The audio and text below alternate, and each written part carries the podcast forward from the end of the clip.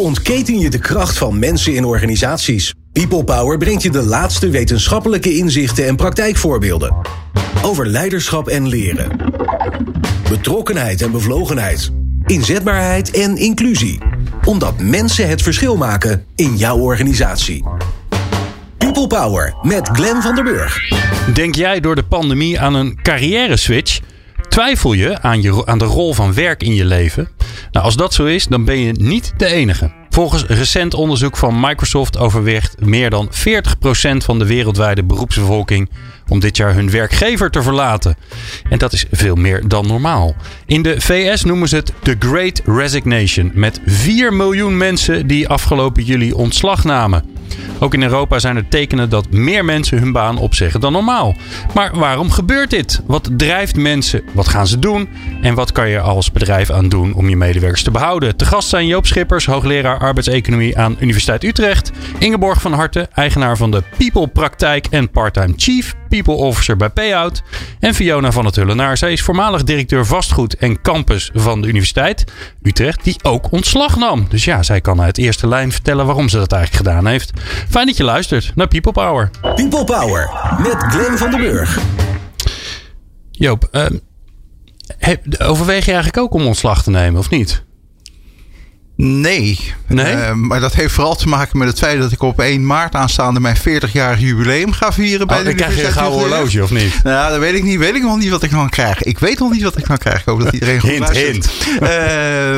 Uh, dus dat wou ik in ieder geval maar meemaken. En uh, nou, ik ben ook wel uh, op inhoudelijke gronden erg voor langdurige dienstverbanden. Oké. Okay. Of in ieder geval langduriger dienstverbanden dan we tegenwoordig kennen. Ja. Wat is, wat is ideaal volgens jouw idee? Nou, dat is voor iedereen ook weer anders. Uh, maar ik vind dat je ergens toch wel een jaar of zeven, acht moet werken. Uh, dan begin je het een beetje te leren. Uh, en anders is er wel heel snel sprake van kapitaalvernietiging. Ja. Ingeborg, ben jij, want jij deed eerst, eerst iets anders. Je bent voor jezelf begonnen. Had dat iets met corona te maken? Ja, dat had zeker iets met corona ja? te maken. Ja, want als moeder van twee kleine kinderen vond ik thuiswerken.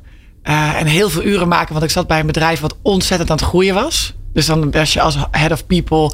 Ja, je zat bij Molly, hè? Je, ja. je was hier al eerder te gast, was, dus dat weten we. Als je die instroom moet verzorgen en, en in een managementteam moet zitten voor een bedrijf wat uh, nou, tien keer zo groot wordt binnen een paar jaar. Maar je moet tegelijkertijd thuis kleine kinderen vermaken vanwege corona. Dan merk je op een gegeven moment dat die balans helemaal zoek is. Ja. En dat heeft er bij mij tot geleid dat ik dacht, ik ga voor mezelf beginnen en de balans terugvinden. Mooi. Ja. ja. Nou, we horen straks nog wel hoe en wat. Fiona, jij, jij bent ook gestopt. Dus alleen, uh, alleen Joop, is, Joop is trouw gebleven. Ja. Ja. Want? Uh, nou, dat was voor mij ook wel een combinatie van factoren die versneld werden door corona. Het feit uh, dat ik mijn, uh, mijn vader en mijn ouders eigenlijk anderhalf jaar lang bijna niet had gezien. En um, ik altijd wel het idee had dat ik samen met hem die stichting uh, wat meer vaart wilde geven waar ik nu in gestapt ben. Uh, en ook wel het soort afronden van een paar werkzaamheden waarvan ik dacht, ja, dit is nu het moment. Ik kom uit corona. Als ik er weer instap, dan stap ik erin in de waan van de dag. Dan ga ik nooit meer weg. En is dat dan een soort langzaam aanslijtend proces? Iets wat gaat knabbelen aan je ziel en dan langzaamaan gaat gebeuren? Of was er een soort boom moment dat je dacht, nou nu is het echt klaar?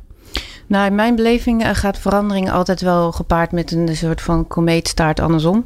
Dus je begint eerst eens rustig te denken en dan komen er steeds meer dingetjes bij. Maar er moet toch wel een zekere mate van frictie zijn, wil ik als heel loyaal persoon um, afscheid nemen. En die frictie is niet eens vaak zo erg, maar die wordt groot op zo'n moment. Dan heb je net even dat setje nodig, dat je denkt van, ach, ik ben zo moe. Wat zou het fijn zijn als ik even. Hè? En nou, en dan. Je bent altijd moe net voor de zomer, maar dit keer zei ik op. dus ik, ik geloof er niet in dat er iets kabbelen kan gaan. Als je echt loyaal bent en wat Joop zegt, ik werk graag lang bij een werkgever. Ja. Dan, kan je, dan ga je niet zomaar weglopen. Ja. Je moet echt wel een paar dingen behoorlijk uh, stapelen. En er moet wel iets van een trigger zijn waarvan je zegt van nou, is niet de oorzaak, wel de aanleiding. Nou, we horen zo nog veel meer van je. Want uh, ja, jij, bent het, uh, jij bent onze er ervaringsdeskundige. Uh, en stiekem Ingeborg ook. Maar Joop, eerst maar even naar jou. The Great Resignation. Ik moet je eerlijk zeggen, ik, ik hoorde hem ook. In, ik luister wat Amerikaanse podcasts. En ik hoorde hem ineens overal langskomen. Bij Harvard Business Review, bij Work Life van Adam Grant. ging ineens overal. En dan werd alleen maar gezegd dat het er was. Maar er werd niet gezegd wat het was. En uh, toen gingen wij bedenken, mm -hmm. wat, waar gaan we het de komende tijd over hebben? En toen ja. kwam deze langs. Toen zei ik, ja, die wil ik. Want ik wil weten hoe dat zit. Dus The Great Resignation is een ding in Amerika. Wat is het? Uh, het is het verschijnsel dat er ineens plotseling heel veel mensen, nou ja, een beetje out of the blue, hun baan gaan opzeggen.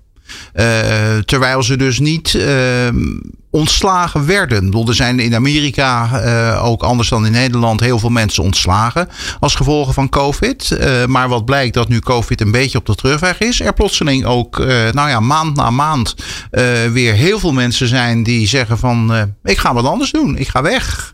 En het interessante is natuurlijk vooral van uh, wat het andere is dat ze gaan doen. Uh, bedoel, want ja, gaan ze inderdaad onmiddellijk door naar een andere werkgever? Uh, beginnen ze hele nieuwe avonturen? Ehm, gaan ze met pensioen? Dat zie je in Amerika ook nogal gebeuren. Dat er mensen ehm, COVID aangegrepen hebben. Ze zijn toen ontslagen bijvoorbeeld en hebben zoiets van... nou, ik trek me überhaupt terug van, van de arbeidsmarkt. Of ik heb COVID nou uitgezongen, uitge, ja, uitgezongen heb thuis gezeten. Maar ja, als ik zo nog een paar jaar verder moet werken, nou dan ga ik liever met pensioen.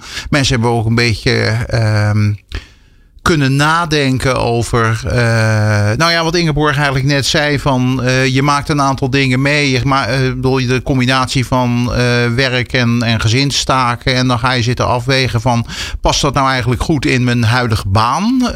veel bedrijven hebben ook gezegd van jongens, we gaan nu allemaal twee dagen thuiswerken of drie dagen thuiswerken. En bij de een is dat heel verplicht en bij de ander is dat meer een soort richtlijn. En dat is voor sommige mensen ook wel een factor die meespeelt in dit soort overwegingen. Ja, en er zat volgens mij ook een soort na-eil-effect in, in Amerika. Tenminste, nou ja, dat begreep ik ervan. Dat mensen toch een beetje stil zijn blijven zitten. Van ik ga niet bewegen, want er is COVID. En, en nou, op een gegeven moment is dat soort van voor, voorbij. Of in ieder geval, uh, het, er komt Precies. ontspanning. En dat zie je misschien in Nederland nog wel. Ga je dat nog wel meer zien? Uh, Nederland heeft natuurlijk met uh, de diepe zakken van Wopke Hoekstra uh, heel veel werkloosheid voorkomen als gevolg van COVID. Dus ook bedrijven die misschien anders wel omgevallen waren in de gewoon door economische factoren. Daar zijn mensen in dienst gebleven. Nou ja, en nu begint het wel beter te, te gaan. COVID grotendeels voorbij. Economie trekt aan, eigenlijk in alle sectoren. Dus ook mensen die de afgelopen jaren, nou ja, inderdaad hadden zo van uh, blijf zitten waar je zit en verroer je niet. Die hebben nou zoiets van, oh, maar wacht even, daar liggen kansen, daar liggen kansen. Misschien wil ik wel als zelfstandige beginnen. Uh, ja, en dan komt het nu, komt dat eigenlijk in versneld tempo op gang. Ja. Dus zie je dat dan, zie, zie je dat dan in, in Europa breed, zie je dat dan gebeuren? Dat ja, dat er toch andere keuzes worden gemaakt? Nou ja, je ziet sowieso aan het eind van elke recessie, dus eigenlijk bij uh, als de conjunctuur de omslag maakt, uh, weer de weg omhoog, dat uh, het aantal mensen wat van baan gaat veranderen. Dus dat gaat zeggen van nou, ik was niet helemaal op mijn plek, maar vanwege de onzekerheid durfde ik niet aan om te bewegen. Dat die dan zeggen van ah, dan ga ik nu mijn kans grijpen. Dus dat zie je eigenlijk na elke recessie. Dus nou ja, laat ik zeggen, mediagewijs is dit ook weer een mooi onderwerp onderwerp om dan weer een nieuw label op te plakken. De Great Recession. En het is het is omvangrijker dan het in het verleden was. Maar het is niet helemaal een nieuw verschijnsel. Nee. Je ziet sowieso telkens als de conjunctuur aantrekt. dan ja, begint ook de arbeidsmarkt harder te draaien. Maar zeg je dan ook, hè, wat, je, wat, je, wat je hoort is dat het label, inderdaad het label erop geplakt wordt. We hebben tijd om uh, na, te, na te denken. we hebben nagedacht over hoe kan werk er ook al uitzien. Uh, um, voor sommigen zag werk er ineens helemaal misschien niet zo leuk uit. Om alles wat ze interessant vonden, namelijk reizen, eh, bewegen, uh, ja. bij mensen langs gaan. Dat kon allemaal niet meer. Dachten ze ineens van, nou, eigenlijk vind je niks aan. Dus dan ga ik maar wat anders doen. Maar is, wordt je die, dat die plakker van, ik wil eigenlijk iets anders in mijn leven. Ik heb een nagedachte. Nou ja, precies wat Ingeborg eigenlijk zegt. Hè. Wordt die er ten onrechte opgeplakt? Nee hoor, dat, zie, bedoel, dat uh, zie je eigenlijk bij elke crisis zie je dat terug. Alleen bij de meeste crises um, lopen die niet voor alle bedrijfstakken en voor alle onderdelen van de economie parallel. Aha. En nu hebben we allemaal anderhalf jaar thuis gezeten. Dus bij iedereen liep dat denken nu ja, eigenlijk in dezelfde fase. Terwijl het anders zo is, dan gaan er bij wijze van spreken een aantal bedrijven in de bouw failliet. En dan beginnen bouwvakkers na te denken. En dan daarna gaan er bij wijze van spreken transportbedrijven failliet. En dan beginnen de chauffeurs ja. na denken. En nu was dat allemaal in één periode, als het ware, samengebald. En dat, ja, dat explodeert nu, als het ware. Ja, ik hoorde ook dat, dat specifiek in, de, in het zuiden van Amerika, dat het daar nog erger is dan in de rest. Dat, dat de zuidelijke staten helemaal. eh, heb jij enig idee? Maar ik heb nog ook, ook nog nou geen ja, misschien, gezien. laat ik zeggen, de zuidelijke mentaliteit van mensen die, eh, hoe heet het, eh, wel eens even, eh, nou ja, zoals ze op Trump stemmen, bij wijze van spreken. Ze willen de revolutie Ja, en ze ja. willen het nu. Ja, ja, zijn wat, eh, wat, wat radicaler. Dat misschien. zou, dat zou kunnen, ja. Ingeborg, wat, wat zie jij om je heen gebeuren? Eh, Want jij, eh, jij ziet en spreekt natuurlijk bedrijven. Je zit zelf in een, in een bedrijf. Zie je daar effecten van die Great Resignation eigenlijk ook al eh, eh, om je heen? Ja, ik werk nu vooral bij bedrijven waar ze weer aan het groeien zijn. Eh, dus niet in de sectoren die getroffen zijn en die vorig jaar moesten reorganiseren, behalve bij één. Dat is een grote hotelketen. En die hebben bijvoorbeeld vorig jaar heel veel mensen moeten laten gaan, omdat het zo slecht ging.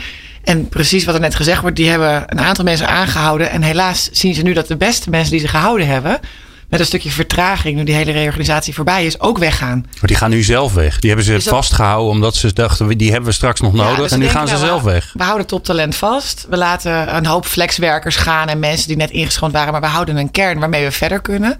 En nu hebben ze die kern, willen ze verder. En die zeggen, ja, ik heb anderhalf jaar stilgezeten. Want ik was bang dat ik mijn baan zou verliezen. Nu zie ik dat die hospitality weer aantrekt. Kan overal aan de slag. Mijn vrienden werken hier niet meer. Want ik heb er een paar zien gaan. Dus zo'n zo'n reorganisatie, die doet ook wel pijn. En niet Ja. alleen bij de mensen die weg moeten, maar ook bij de mensen die blijven. Dus het, het, gevoel wat je krijgt bij je werkgever terwijl je thuis zat, is dan toch veranderd. Ja, en nu zien ze overal kansen en gaan ze weg. Dus ik- aan de ene kant zie ik dat de Great Resignation zeker bezig is. Want die bedrijven hadden niet verwacht na een reorganisatie om nog een heleboel mensen te verliezen. En de, alle andere bedrijven waar ik nu zit, want ik werk er bij eh, vijf of zo tegelijk nu. Je doet het rustig aan. Even. Ja, rustig aan, ja. Maar die zijn allemaal aan het groeien. En die zijn eigenlijk de ontvangers van de Great Resignation. En ik ben met hun heel specifiek bezig om te zorgen dat ze een werkgever of choice zijn. Waar, waar mensen willen werken. Zijn we heel goed aan het nadenken. Hoe moeten onze eh, werktijden eruit zien? Werklocatie, onze benefits. Om te zorgen dat als mensen ergens twijfelen. Dat wij dan wel een hele logische keuze zijn voor een volgende stap. Ja. En dat zijn er wat kleinere bedrijven, maar die zijn, die zijn aan het verdubbelen per maand weer. Dus die, daar zie ik helemaal geen leegloop. Daar zie ik een sorry, die zijn aan het verdubbelen per maand. Zo Ja. hard gaat het. Ja, ik heb er een paar die gaan van 10 naar 20, naar 40, naar 80. En die mensen halen natuurlijk ergens vandaan. Ja. En dan zie je dat ze vooral vandaan komen bij bedrijven waar ze wat pittiger gehad hebben afgelopen anderhalf jaar. Eh, vaak wat grotere bedrijven waar mensen wat langer hebben gezeten. En die hebben toch inderdaad gedacht: oké, het kan ook anders. Ik zie al die jonge bedrijven die zijn aan het groeien. Die doen het allemaal wat flexibeler of wat nieuwer. Ja, dan gaan ze daar nu proberen. Ja, of ze lang blijven, geen idee. Maar het is leuk voor alle start-ups die nu wat makkelijker mensen kunnen aantrekken. Ja, nou, eh, straks eh, praat ik eh, graag met jullie verder over. Ja, dat is interessant hè, wat er allemaal aan het gebeuren is op de arbeidsmarkt. Dat veel mensen toch eh, ja, een andere keuze maken op die arbeidsmarkt.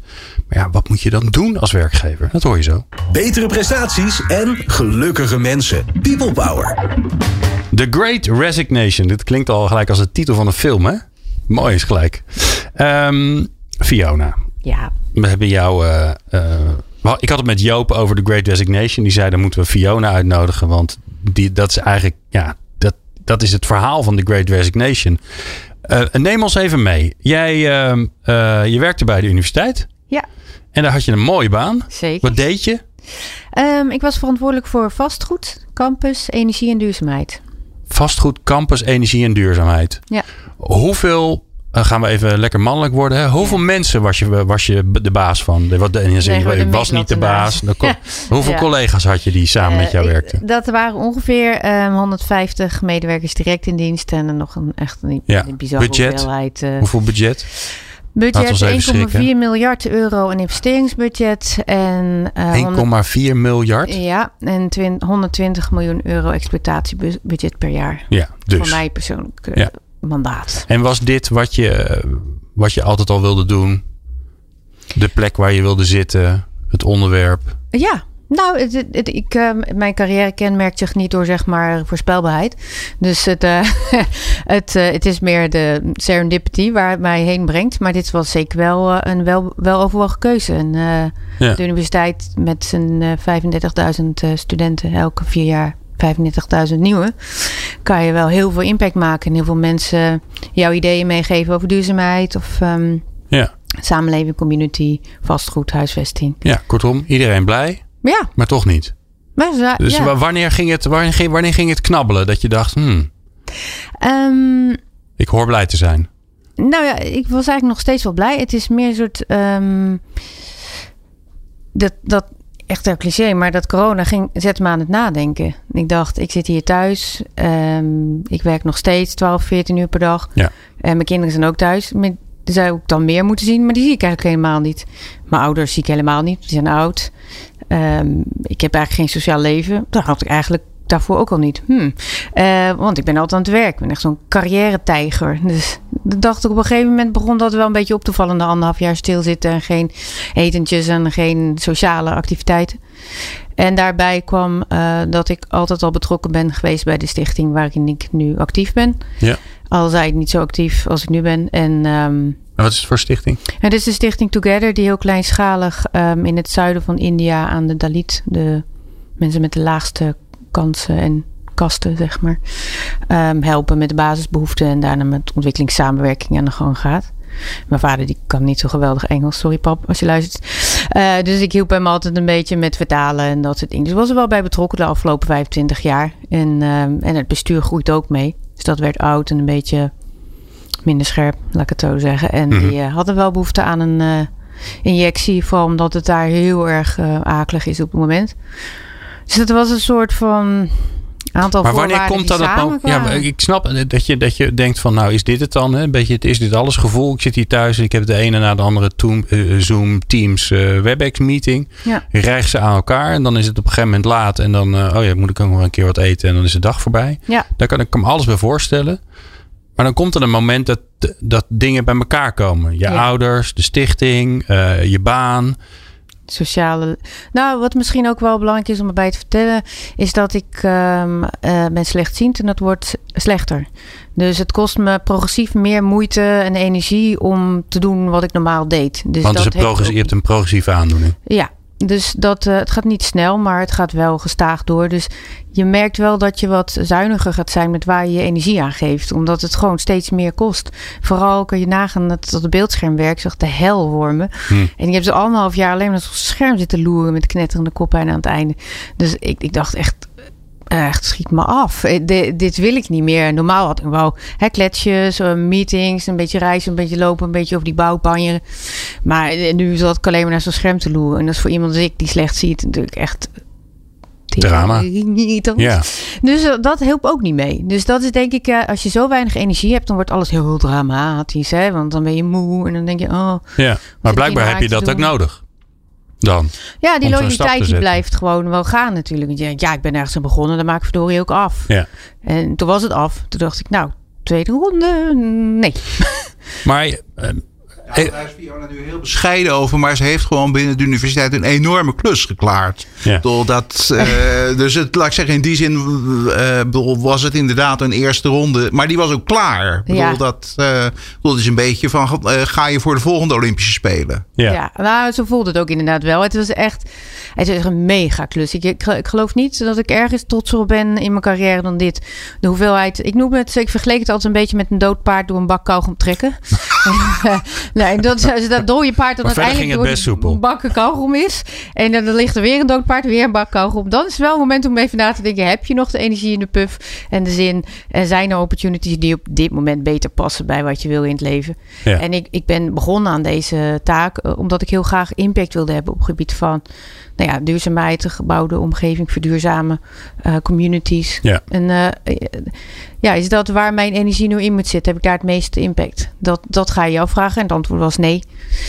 Nee, maar de, de, de gemiddelde mens die gaat dan een beetje om zich heen praten en kletsen. En die zorgt dan dat hij, dat hij wat anders heeft. Ja, dat Toch? is wel een En heel en goed idee Ja. eigenlijk. Nee, maar het interessante is natuurlijk Ja. wel dat, dat, dat dat veel mensen, eh, relatief veel mensen nu dus zelf kiezen. Nee, dit wil ik niet meer. Ik stop Ja. daarmee en ik, eh, ik heb nog niks anders. Ja, dat heb ik ook. Ja, het is ontzettend on- onverstandig, zou je denken. Maar Nou, het is wel zo dat het afgelopen... onverstandig is. Het, is. het is in ieder geval anders dan hoe het normaal gaat. Ja, de afgelopen twee jaar zijn we niet op vakantie geweest. Eh, daar blijft geld van over. Dat tel je dan zo'n beetje op een achternamiddagje. En denk ik, nou, als ik een beetje zuinig doe. Maar dat heb je wel gedaan. Ja, zeker. Ik heb Ja. wel gekeken of ik niet het hele... Ik heb vier kinderen. of niet de hele boel eh, eh, aan de grond trek. Dus Ja. ja, ja denk ik wel van, nou oké, het auto verkopen. En ik heb eh, niet... Mijn vakantie, mijn vakantiegeld bewaar ik. Dan zou ik een jaar lang me in kunnen zetten voor de stichting en dat ziekenhuis bouwen in India. En dan heb ik echt het gevoel dat ik iets bijgedragen heb of iets teruggegeven heb aan de maatschappij. En dat, dat was altijd mijn drijfveer. En dat kan nu even veel directer dan ja, via urenlange vergaderingen op een universiteit met een beetje papier produceren. Wat toch een beetje je baan is als directeur. Ja. Dus ja, ik. En nou belt morgen belt ehm, je droomklus. Ja, die hebben al gebeld natuurlijk. Ja. En wat zeg je dan? Nee, dan zeg ik nee. Nee. Oké. En dan heb ik, zei ik eerst ja, Dan zeg je ja. nee of nu, nu Nee. even nog niet? Ik zei eerst ja, ja. Ik stuur mijn cv op. En toen zei ik, eh, ik moet even opnieuw mijn cv maken. En toen zei ik, zouden ze een halfjaartje willen wachten? En toen zei ik nee. En toen vond ik het wel even heel akelig. Maar ik, Maar hoe gaat dat dan? nou, Want dit ben, is wel interessant. Want je eerste gevoel is dus blijkbaar iets in jou zegt ja, ja. ja. Dus je oude ik zegt ja. En dan Ja. de nieuwe ik die komt en die zegt nee, dat je was iets anders van plan. Ja, het is niet voor niks dat je nu een break neemt. Ik geloof er heel in dat dat intuïtieve wat ik heb, dat het impulsieve, daar heb ik eigenlijk. En iedereen zegt altijd: wat doet ze nou weer? Dat mensen toch hartstikke gestoord. Maar ik heb er nooit spijt van gehad. Ik, ik heb geleerd met- met mijn bijna 50 jaar dat ik kan vertrouwen op die impulsieve keuzes en dat ik er even bij moet blijven. Dat denk ik ook levenswijsheid of vlieguren. En als ik denk 24 was, dan had ik drie, voordat ze uitgesproken waren, al drie keer ja tegen die baan gezegd. Ja. Eh, nu niet. Nu dacht ik, nee, ik kies dit niet voor niks. Dit is echt een gevoel, intuïtief. Een aantal dingen kwamen samen. Ik voel dat ik nu een ziekenhuis moet bouwen in India met mijn oude vadertje. En dat ik daar gewoon even tijd aan moet geven. En ehm, als ze me nu leuk vinden, vinden ze me straks vast ook nog leuk. En anders doei, en dan zoek ik wat anders. En heb je al een idee ehm, wat, er, wat je dan wat er anders moet zijn? Ja, Dus waarvan je zegt, ja, maar dat wil ik in ieder geval niet meer. Dat heb ik gehad, gedaan, dat wil ik niet meer. Dus waar moet die, die hè, ze hoeven nog even niet te bellen. Of ja, ze mogen wel bellen, maar dan zijn ze over een jaar aan de beurt. Ja, nee, ik ga in januari naar India, dus dan eh, daarna zijn ze weer welkom. Ehm, ja, nee, daar heb ik wel heel goed over nagedacht inderdaad. Je gaat wel een paar dingetjes optellen en aftrekken. En ehm, wat voor mij heel belangrijk is, dat ik werk met mensen die veel passie hebben. Die net zoals ik heel hoog in de energie zitten.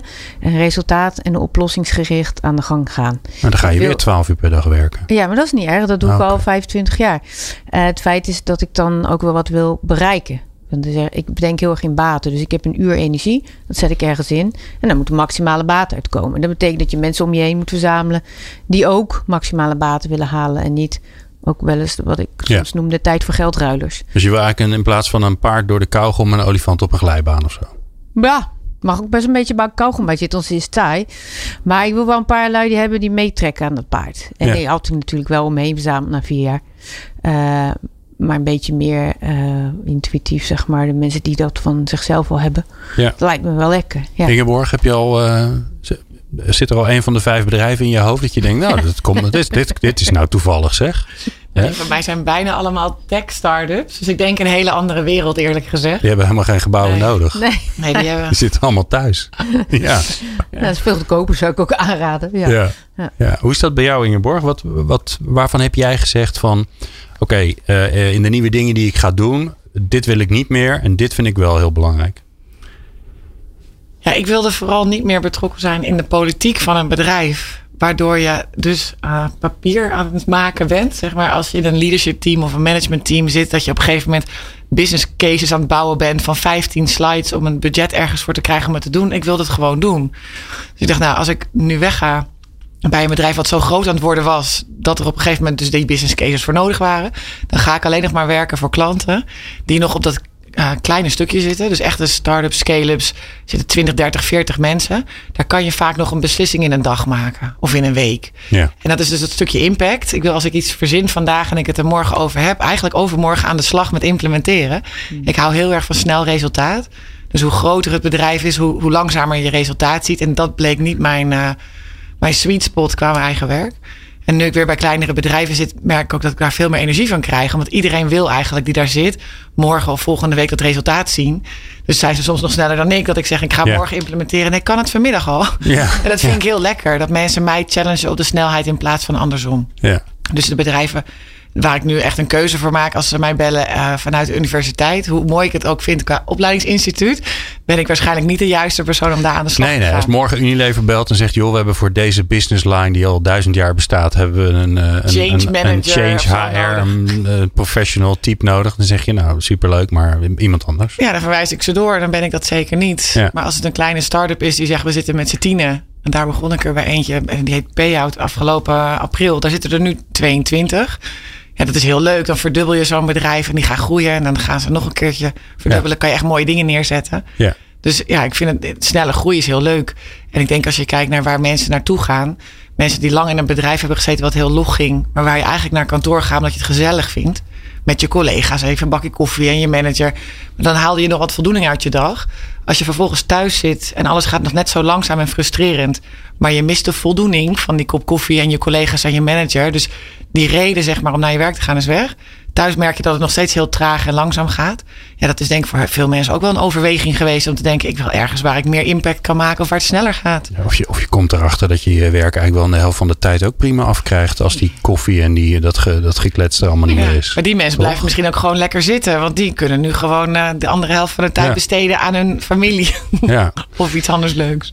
Ik kan me goed voorstellen dat uh, werkgevers die luisteren en, en HR-professionals en leidinggevenden die denken, ja jeetje mina, zeg, moet toch niet hebben dat een, een derde, nou Microsoft zegt 40 procent, nou laten we zeggen dat de, een kwart daarvan uh, echt in de gevarenzone zit. Nou, dat is 1 op de 10. Nou, die moet je niet kwijtraken in het bedrijf. Dat is een beetje veel binnen de komende drie maanden.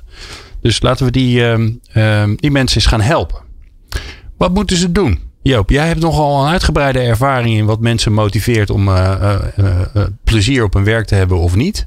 Dus wat is, wat is het eerste wat ze, wat ze wat jou betreft moeten doen om ervoor te zorgen dat mensen niet wegrennen? Nou, het heeft ook iets te maken met uh, wederzijds commitment. Uh, ik bedoel, hier geldt toch een beetje van, nou ja, zoals het waard is, vertrouwt hij zijn gasten. Of wie wint zaait zal storm oogsten en dat soort uh, spreekwoorden. je ziet dat in Nederland, en dat is niet alleen een Nederlands verschijnsel, maar in Nederland is wel tamelijk extreem. bedrijven minder uh, in hun werknemers investeren, minder commitment uitspreken. Denk bijvoorbeeld aan al die tijdelijke contracten. En als jij een tijdelijk contract aanbiedt, dan voelt een werknemer zich ook minder gecommitteerd uh, aan jouw organisatie. Want ja, dan denkt de werknemer van, nou ja, ik heb nu een contract voor vier jaar. Uh, dus ja, de kans dat ik over vier jaar een nieuw contract krijg of een vast contract, moet het nog maar zien. dus die gaat ook makkelijker om zich heen kijken. Dus als je uh, meer uh, mensen wil hebben die echt aan je verbonden worden, dan begint dat eigenlijk al met toch vaker een uh, vast contract ja. aan te bieden. Maar er zitten bijvoorbeeld ook dingen die liggen in de sfeer van mensen betrekken bij het, uh, bij het werk. Ik bedoel, mensen zelf mee laten praten over hoe de zaak georganiseerd wordt. Ik bedoel, je ziet dat in het algemeen uh, bedrijven waar uh, de zelfstandigheid van mensen groot is. In de zin van dat ze hun eigen werk kunnen inrichten. er veel gedaan wordt aan de training van mensen. Dat daar de mensen ook ja, meer binding bij het bedrijf ervaren. Dan dat je alleen maar aan de lopende band staat. of zakjes van de ene kant naar of doosjes van de ene kant naar de andere kant van het bedrijf moet uh, verplaatsen. Dan denk je, ja, dan kan ik ergens anders, uh, kan ik dat ook. Ja. Is, is dat nu ook een. Hè, het gevaar nu natuurlijk is dat we hebben een tijd lang, tenminste als je kantoorachtig werk doet, we hebben een tijd lang anders gewerkt dan voorheen. Veel thuis of, onder, of nou, ergens anders. Op een park, parkbankje als het lekker weer is, kan je ook prima werken. nu, kan het, nu gaan de kantoren weer open. Moet, daar moet natuurlijk over nagedacht worden. Een paar weken geleden hebben we daar een, een aflevering over gemaakt. Uh, waren toen veel grote organisaties zeiden: nee, dat, dat ligt aan het team en aan het werk. En dan moeten we met elkaar bespreken. Nou, dat is natuurlijk prachtig. Maar ja, ik hoor ook al de signalen waarbij bedrijven gewoon zeggen: ja, weet je, je moet gewoon uh, minimaal uh, twee, drie of vier dagen per week moet je, moet je gewoon op kantoor zijn.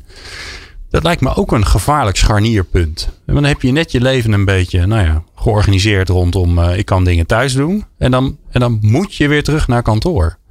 Is dat ook een. Of andersom, dat ja. er afgesproken wordt van je moet per se drie dagen thuiswerken. Ja. En nou ja, als werknemers dan uh, het idee hebben van uh, wij worden niet als individu serieus genomen, maar wij worden over één kam geschoren met alle anderen. Ja. ja, nou ja, als ik dan toch maar één van de velen ben, dan gedraag ik me ook als één van de velen.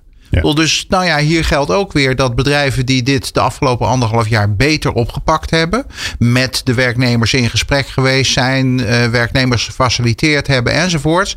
Ja, dan sta je er als werknemer toch ook wat anders in. Dan, van, dan is er al gauw de gedachte van, nou ja, de werkgever heeft wel erg zijn best voor mij gedaan.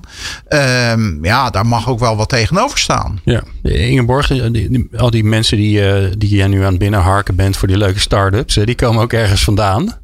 Wat, wat motiveert hem om bij die leuke start-ups te gaan werken? Wat, wat zijn de drijfveren die daarachter zitten?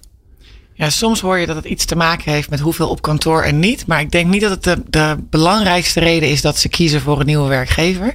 Ik denk dat uh, verbondenheid en engagement de belangrijkste drijvers zijn. Dus hoe uh, er geïnvesteerd is mijn manager in mijn succes. En geloof ik in het succes van het bedrijf. En doen we dat gezamenlijk als team.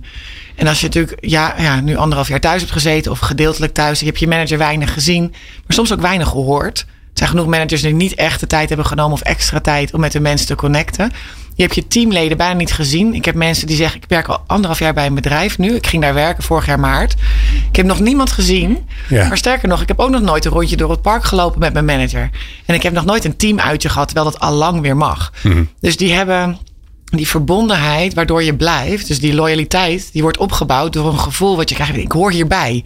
Ja, die dus als je je herkent in wat je net gezegd hebt, hè, dus oh shit, ik ben inderdaad die manager die dat allemaal niet heeft gedaan, dan ga je, ja, ga nu, kom nu in actie, of anders dan krijg je. Hè, dus die loyaliteit die kan je niet verwachten van iemand als ze net beginnen. Die bouw je op en dat is een gevoel. En als dat gevoel er nu niet is of niet meer is, dan denk ik dat dat de voornaamste reden is dat mensen gaan.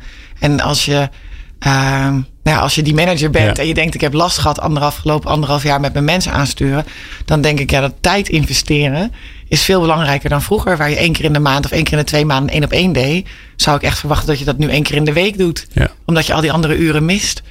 Moet je ook een beetje zorgen maken over het domino-effect? Ik weet dat het, ik, ik heb ook ooit ergens gewerkt, uh, voordat ik voor mezelf begon. En uh, ik was toen heel, was bij KPN, ik was daar heel loyaal aan. Dat is al echt een eeuw geleden, want ik ben ook 50 ondertussen. Maar um, uh, ik was heel loyaal, want nou, ik heb daar heel veel kansen gekregen en heel veel dingen uit mogen proberen. Dus ik was super loyaal. En um, ik, kreeg, ik kreeg ergens anders een baan aangeboden, had ik al nee tegen gezegd. En um, En toen, een week later, zei mijn, mijn eigen leidinggevende tegen me: Ik heb een andere baan. Toen dacht ik: Ja, dank je de koekoek. Weet je, als hij weggaat, dan ga ik een beetje loyaal zitten zijn. Dus toen ben ik ook weggegaan. Dus is dat ook nog een, een gevaarlijk iets? Ja, ik denk dat dat hetzelfde verhaal is met die medewerkers die hun vrienden zien vertrekken. Ja. Ik denk dat het is een sneeuwbal. Dus, uh, en, en de werkgelegenheid is momenteel gewoon ook echt heel erg goed voor veel uh, vakgebieden.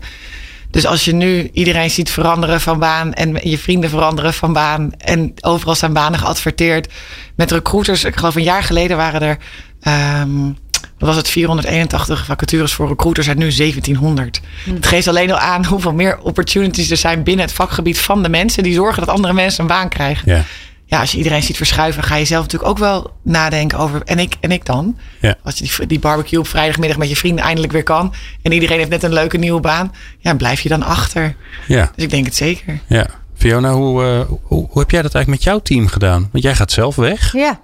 Dat is niet te hopen dat ze allemaal uh, nee. ook de biezen pakken. Nou, ik, ik ben niet zo'n manager geweest. Ik heb vanaf maart uh, heb ik elke dag en op een gegeven moment elke week een blog gestuurd uh, ik heb elke twee weken een handgeschreven persoonlijk kaartje gestuurd naar iedereen. En op een gegeven moment heb ik elke maand een pakketje opgestuurd. Dus als het heel erg stressig was met van die Ayurveda thee erin. Of uh, in de herfst met zelfgemaakte uh, gevuld speculaas. Ik heb me echt bizar lopen uitvlogen. Vandaag ook meegenomen? ja, bijna. Maar oh ik was op de fiets. um, maar ik heb daar heel veel, heel veel moeite in gestoken. Echt, um, echt denk uren en aan eigen geld en eigen tijd. Ik heb heel veel um, in geïnvesteerd. En ik heb me dat toen ook wel afgevraagd. Want zoals ik al zei, was het vrij impulsief. En die beslissing. Dat ik dacht van hoe moet het voelen voor die mensen? Dat ik zo mijn best heb gedaan om ze in de vol te houden, om ze te omarmen, om ze lief voor ze te zijn, echt met ze mee te leven op individueel niveau. Ja. En echt de mensen achter de werknemer heb gezien. En dan zelf zeg, de roze, ik peer hem. Ja, dat lijkt me. Ik vond dat wel wat, hoe dat noemen dat niet zo afscheid genomen? Ja, we hebben een, een boltje in de buiten onder een tent gedaan, een coronaproef. En iedereen kwam en ze hadden een heel leuk boekje voor me gemaakt. En mijn lieve knuffeltjes en dingetjes. Maar het voelde wel een beetje vreemd, inderdaad. Dat ik zo mijn best had gedaan om.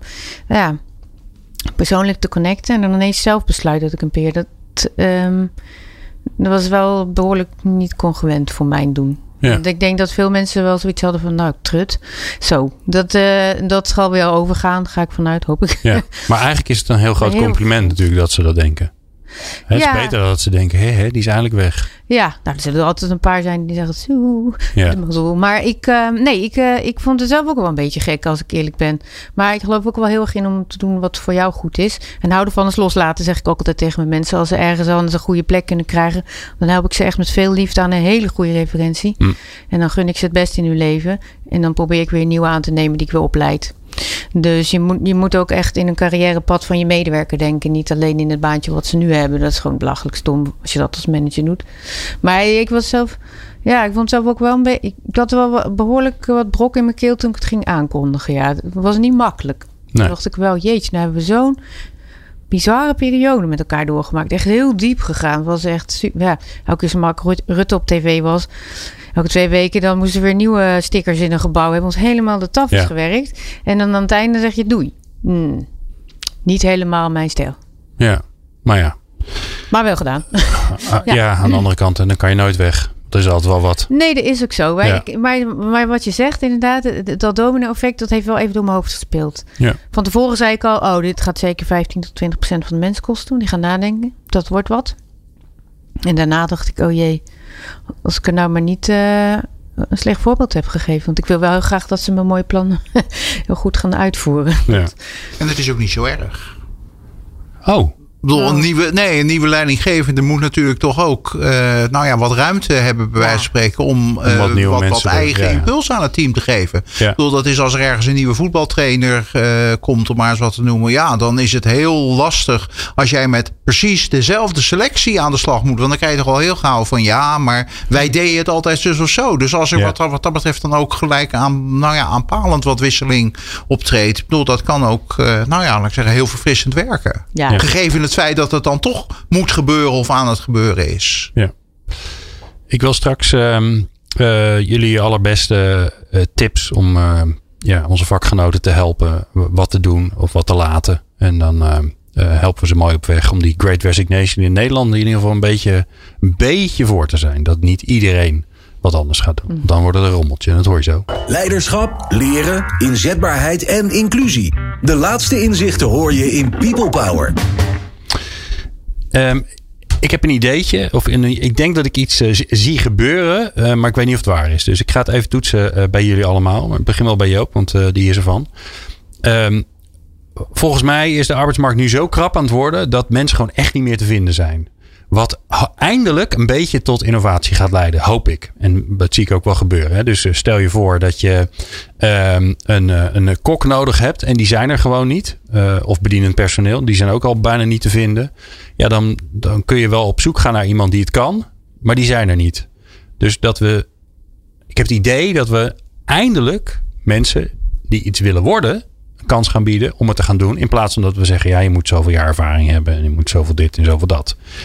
Is dat een, is dat een, een, een juiste realisatie van mij dat dat aan het gebeuren is, Joop? Of zeg jij van, nou, Ik zeg, in jouw nou, bubbel wel, maar... Je, nou ja, je ziet het her en der, zie je het inderdaad wel gebeuren. Maar dat dit nou al eh, breed door de hele arbeidsmarkt ehm, deze verandering zijn beslag krijgt. Nee, dat zie je eigenlijk nog niet. Wat dat betreft zie je eigenlijk, en nou ja, in eh, hoe heet het soort onderzoek wat wij doen, zitten vaak juist eh, bedrijven boven de 10 of boven de 50 mensen.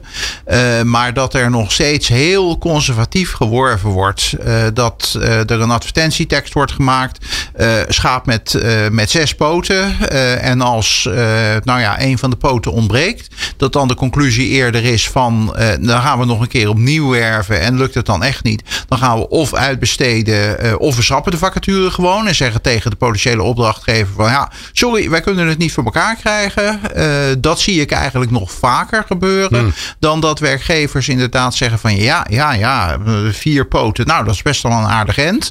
Eh, en die andere twee, dan gaan we betrokkenen nog naar een training sturen. We laten hem of haar langzaam eraan wennen en, en inwerken enzovoort. En dan komt dat vanzelf wel. Overigens worden werkgevers daar in sommige sectoren ook ernstig in belemmerd door allerlei externe restricties. Ik bedoel, denk aan de zorg, waar natuurlijk toch ja. enorme tekorten. Onderwijs staan ook uh, de laatste weken regelmatig dingen van in de krant dat wij spreken mensen wel willen komen werken in die sector, maar dat er dan regelgeving is die verhindert dat je dat gaat doen. Om, uh, nou ja, omdat je niet voor de klas mag als je niet diploma zus en zo hebt gedaan.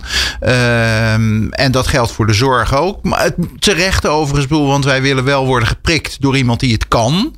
Uh, niet iemand die, nou ja, er eerst eens drie keer naast en, dan, en dan een keer raak. Bedoel, dus veel van dat soort eisen zijn ook niet voor niets. Maar uh, die zorgen wel heel erg voor verkokering van de arbeidsmarkt. Ja, ja. Ingeborg, wat zie jij bij de start-ups? Nou, ik denk dat ze daar heel veel profijt bij hebben. Dat er dus bedrijven zijn die daar niet zo goed in zijn in het uh, aannemen van mensen of door laten groeien met skills. Want bij die startups, omdat ze het al vaak moeilijk hebben om mensen te werven, want ze zijn wat minder bekend, zie je vaak dat ze veel meer willing zijn om mensen aan te nemen die 50, 60 procent in het plaatje passen. En ik raad ook altijd aan, neem aan op energie en op motivatie en op drive. Startups bieden juist geen vaste contracten. Die zitten vaak met 1, 2, 3 jaar, drie keer een jaarcontract en dan pas vast. Ook vanwege een stukje onzekerheid, wat kan ik bieden? Maar als jij iemand, uh, neem het voorbeeld van een recruiter, die willen graag doorgroeien uh, richting een HR-baan. Dat kunnen ze vaak niet binnen het bedrijf waar ze zitten. En ergens anders worden ze niet aangenomen op een HR-baan. Bij een start-up misschien wel. Dan kennen ze al 50, 60 procent van die baan. De rest kunnen ze leren. En dan gaan ze wel voor zo'n eenjarig contract. Want ze krijgen een kans om te groeien. Ja. Dus zolang je mensen kansen geeft om zich te ontwikkelen en te groeien, dan zal je zien dat ze en komen en ook geen probleem hebben met kortere contracten. Dus ik zie het juist als een hele grote oplossing voor bedrijven die met een uh, krapte zitten momenteel. Door die, die vacatureteksten te veranderen en te zeggen: uh, ja. genoeg zin en motivatie. Ja, kom maar. Ja. Open hiring. Gewoon Open de deur openzetten. Ja, Ja. ja. kom maar gewoon. En als je komt, dan heb je wel een baan voor je. Dat is helemaal briljant. Hè? Ja. Alright. Um, uh, ik wil van jullie allemaal één tip. Die onze luisteraars morgen kunnen doen. Wetende dat zij ongeveer een leven hebben zoals Fiona. Met uh, 12 uur uh, teams achter elkaar. Uh, overigens, als je dat doet, maak je daar zo ernstig zorgen over. Want het is niet goed voor je. Uh, maar één tip die mensen morgen kunnen doen. Die niet belachelijk veel tijd kost. Maar waar ze wel ervoor zorgen dat hun medewerkers wellicht geen ontslag nemen. Als ze dat misschien wel van plan waren. Uh, ik ga gewoon bij Fiona beginnen. Um, ik leef altijd um, vanuit het mantra: ga uit van de positieve intentie. Ik denk dat mensen heel erg voelen uh, dat je. Als je zelf congruent bent, dat je in anderen de positieve intentie herkent. Ook al komt het een beetje lullig de strot uit. Of um, er gebeuren dingen die je niet had verwacht of misschien niet wil. Dat je altijd je werknemers tegemoet treedt met de gedachte van de positieve intentie. Oké. Okay. En dat voelen ze, denk ik. Ja. En dan kom je er samen wel uit. Oké. Okay. Mooi. Fiona, oh, Fiona, moet mij, heb je net gehad. Ja, wij lijken zo op elkaar, hè? Ja, ja inderdaad. Ja, ja, donker. Nou ja, ja. Die zijn allebei vrouw. Tenminste, dat denk ik. He, daar, moet je, daar moet je ook mee oppassen. Ingeborg. Ja, in plaats van iedereen over één kam te scheren. Dus veel meer te kijken naar wat is er belangrijk per individu. Dus heeft iemand geen kinderen thuis en willen ze keihard uh, vooruit in hun carrière vijf dagen op kantoor zitten. Laat ze dan ook vijf dagen op kantoor zitten. En zeg niet tegen mensen die in een studentenkamer of in een studentenhuis wonen. Je moet verplicht drie dagen thuis. Voor hen is dat helemaal geen productieve werkomgeving. Maar ouders die misschien van ver moeten reizen en hun kinderen willen wegbrengen, die al echt ervaren zijn en prima één, twee dagen op kantoor kunnen zijn en de rest thuis kunnen werken, ook dat toestaan. Dus in plaats van iedereen in hetzelfde hokje proberen te stoppen, gewoon teams een doel geven, of het nou een maanddoel is of een jaardoel of een weekdoel, en ze samen laten uitvogelen, rekening houdende met hun individuele situatie, hoe ze daar gaan komen. Mooi. Ja, heel goed. Joop, jij mag, uh, je hebt het eindschot. Ik zou zeggen, go with the flow. Go with the flow. Uh, dat, dat helpt va heel vaak. Uh, maar ook in dit geval. Uh, je moet niet proberen om mensen tegen hun zin vast te houden. bedoel, je moet op een gegeven moment ook accepteren dat ja, mensen op een gegeven moment iets anders willen. En dat is iets wat we in, in de toekomst vaker gaan zien. Mensen hebben langere loopbanen, moeten dadelijk tot hun zeventigste en misschien de jongere generatie nog wel langer werken. Nou, dat betekent dat mensen 40, 50 jaar op de arbeidsmarkt rondhangen. En dan is het helemaal niet gek om op een gegeven moment te constateren dat mensen ook wel eens iets heel anders willen doen. dus nadat ze in een ambtelijke organisatie hebben gewerkt, toch zelfstandig ondernemer willen worden, kok willen worden, tuinder, nou ja, noem het allemaal maar op. En dat moet je ook niet, nou ja, ten koste van alles willen voorkomen. Ik bedoel, wat je dan moet doen, is dat je vooral kijkt van, kunnen we het op een zodanige manier regelen dat het niet tot, nou ja, ontwrichting van de, van de organisatie leidt. Vraag, spreek met iemand af om inderdaad een groot project waar iemand werkt, om dat eerst af te maken. Ik bedoel, en zeg van, nou, daarna dan organiseren we een mooi feest voor je om afscheid te nemen. prima. en je alvast even meedenken over wie jou zou kunnen opvolgen dat vind ik eigenlijk verstandiger dan dat je heel kampachtig gaat proberen. En zeker niet met geld. Zoals, hoe heet het, in sommige kringen op dit moment gesuggereerd wordt. Van je moet de loon omhoog doen, want dan blijven de mensen wel. Nou, dat is absoluut niet het geval. Ik bedoel, wat Ingeborg net zei van mensen willen vooral, zeker jongere mensen, ontwikkelmogelijkheden. Ehm, en daar blijven, daar blijven mensen dan voor. Maar op een gegeven moment zijn mensen binnen een organisatie, en dat zien ze zelf ook heel goed, zijn ze uitontwikkeld. En dan moet je gewoon ook uh, door naar iets anders. Ja. Mooi. Nou, ik hoop dat we jullie allemaal een beetje hebben geholpen. Uh, enerzijds uh, met ja, toch een beetje de waarschuwing dat er wat aan zit te komen. En als je dat nog niet wist. En ten tweede natuurlijk met alle fantastische tips van mijn fijne gasten. Fiona van het Hullenaar, Ingeborg van Harten en Joop Schippers. Dank jullie wel. Fijn dat jullie er waren. Uh, wij, uh, je kunt nog veel meer luisteren. Dat is natuurlijk al belangrijk om te weten. Via onze website peoplepower.radio en via al onze podcastkanalen.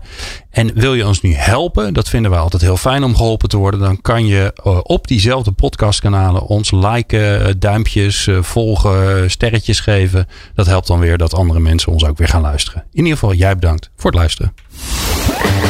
Meer luisteren? Ga naar peoplepower.radio en abonneer je op onze podcast.